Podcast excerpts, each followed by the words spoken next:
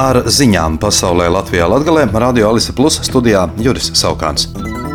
Vētra un spēcīgas lietus gāzes Vācijā vairākās valsts daļās izraisījušas plūdus. Frankfurtas lidostā atcelti aptuveni 90 reisi, bet 23 novirzīti uz citām lidostām.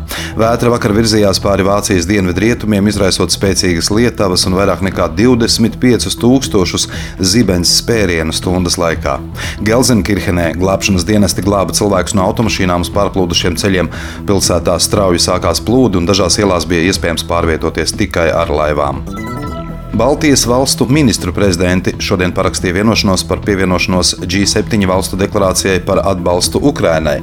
Latvijas premjerministrs Krišānis Kariņš norāda, ka deklarācijā teikts, mēs palīdzēsim Ukrainai uzvarēt šajā karā, atbalstīsim tās ekonomisko stabilitāti un atjaunošanu, noturību, reformas un tās Eiropas un Eiroatlantiskos centienus. Latvijas pievienošanos eh, G7 valstu vadītāju 2023. gada 12. jūlija deklarācijai par ilgtermiņa atbalstu Ukrainai valdība Valdība atbalstīja jau 8. augustā.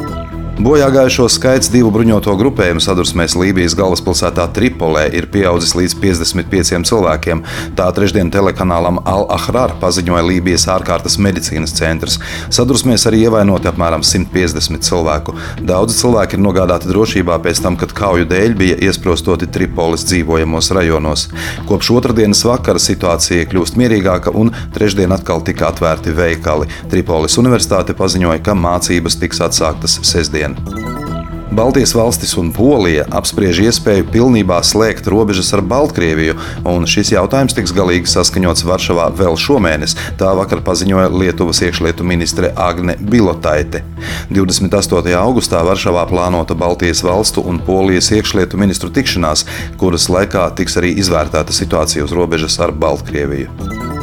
Ministru prezidents Krišānis Kariņš, kurš pārstāv jauno vienotību, šodien iesniedza valsts prezidentam Edgars Rinkevičam demisijas rakstu. Līdz ar to oficiāli kritusi Latvijas vēsturē trešo īsāko termiņu strādājusī valdība, kuru gan vadīs otrais ilglaicīgākais premjerministrs. Kariņa otrā valdība nostrādāja kopumā 246 dienas, īsāku termiņu strādāja Viļa Kristopana valdība 1998. un 99. gadā tā noturējās 232 divas dienas, bet Andras Čēlis otrā valdība nostrādāja tikai 175 dienas no 1997. gada 13. februāra līdz tā paša gada 7. augustam. Vides aizsardzības un reģionālās attīstības ministrs Māris Sprindžuks nosūtījis pieprasījumu Reizeknas domē sniegt paskaidrojumus par finanšu situāciju Reizeknas pilsētas pašvaldībā un tālāko rīcību.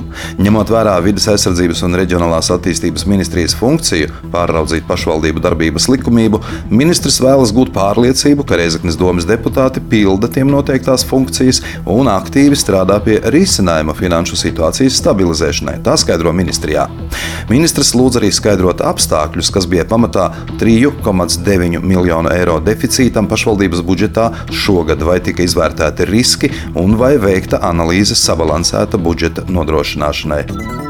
Latviešu kultūras biedrība piekdien, 25. augustā, 2010. organizē izglītības nozares speciālistu tiešsaistes diskusiju Esi Idori.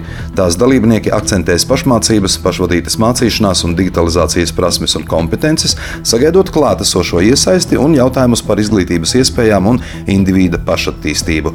Tiešraidi varēs vērot Latvijas kongresa mājaslapā Latvijas kongress.lv un Latviešu kultūras biedrības Facebook lapā. Jākapilī siltumenerģijas tarifs no oktobra samazināsies par 22,8% un no šā gada 1. oktobra būs 63,61 eiro par megawatu stundu. Vēl Jākapilī pēc pārbūves svinīgi atklāta Jākapils valsts ģimnāzija.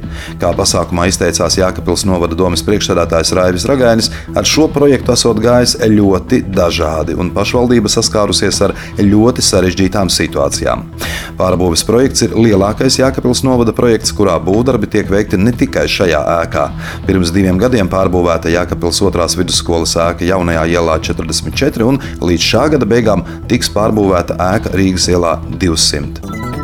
Ar ziņām studijā bija Juris Saukāns, projekta Ziņas bez robežām pasaulē Latvijā Latgalē ietvaros šo ziņu izlaidumu finansē Mediju atbalsta fonds.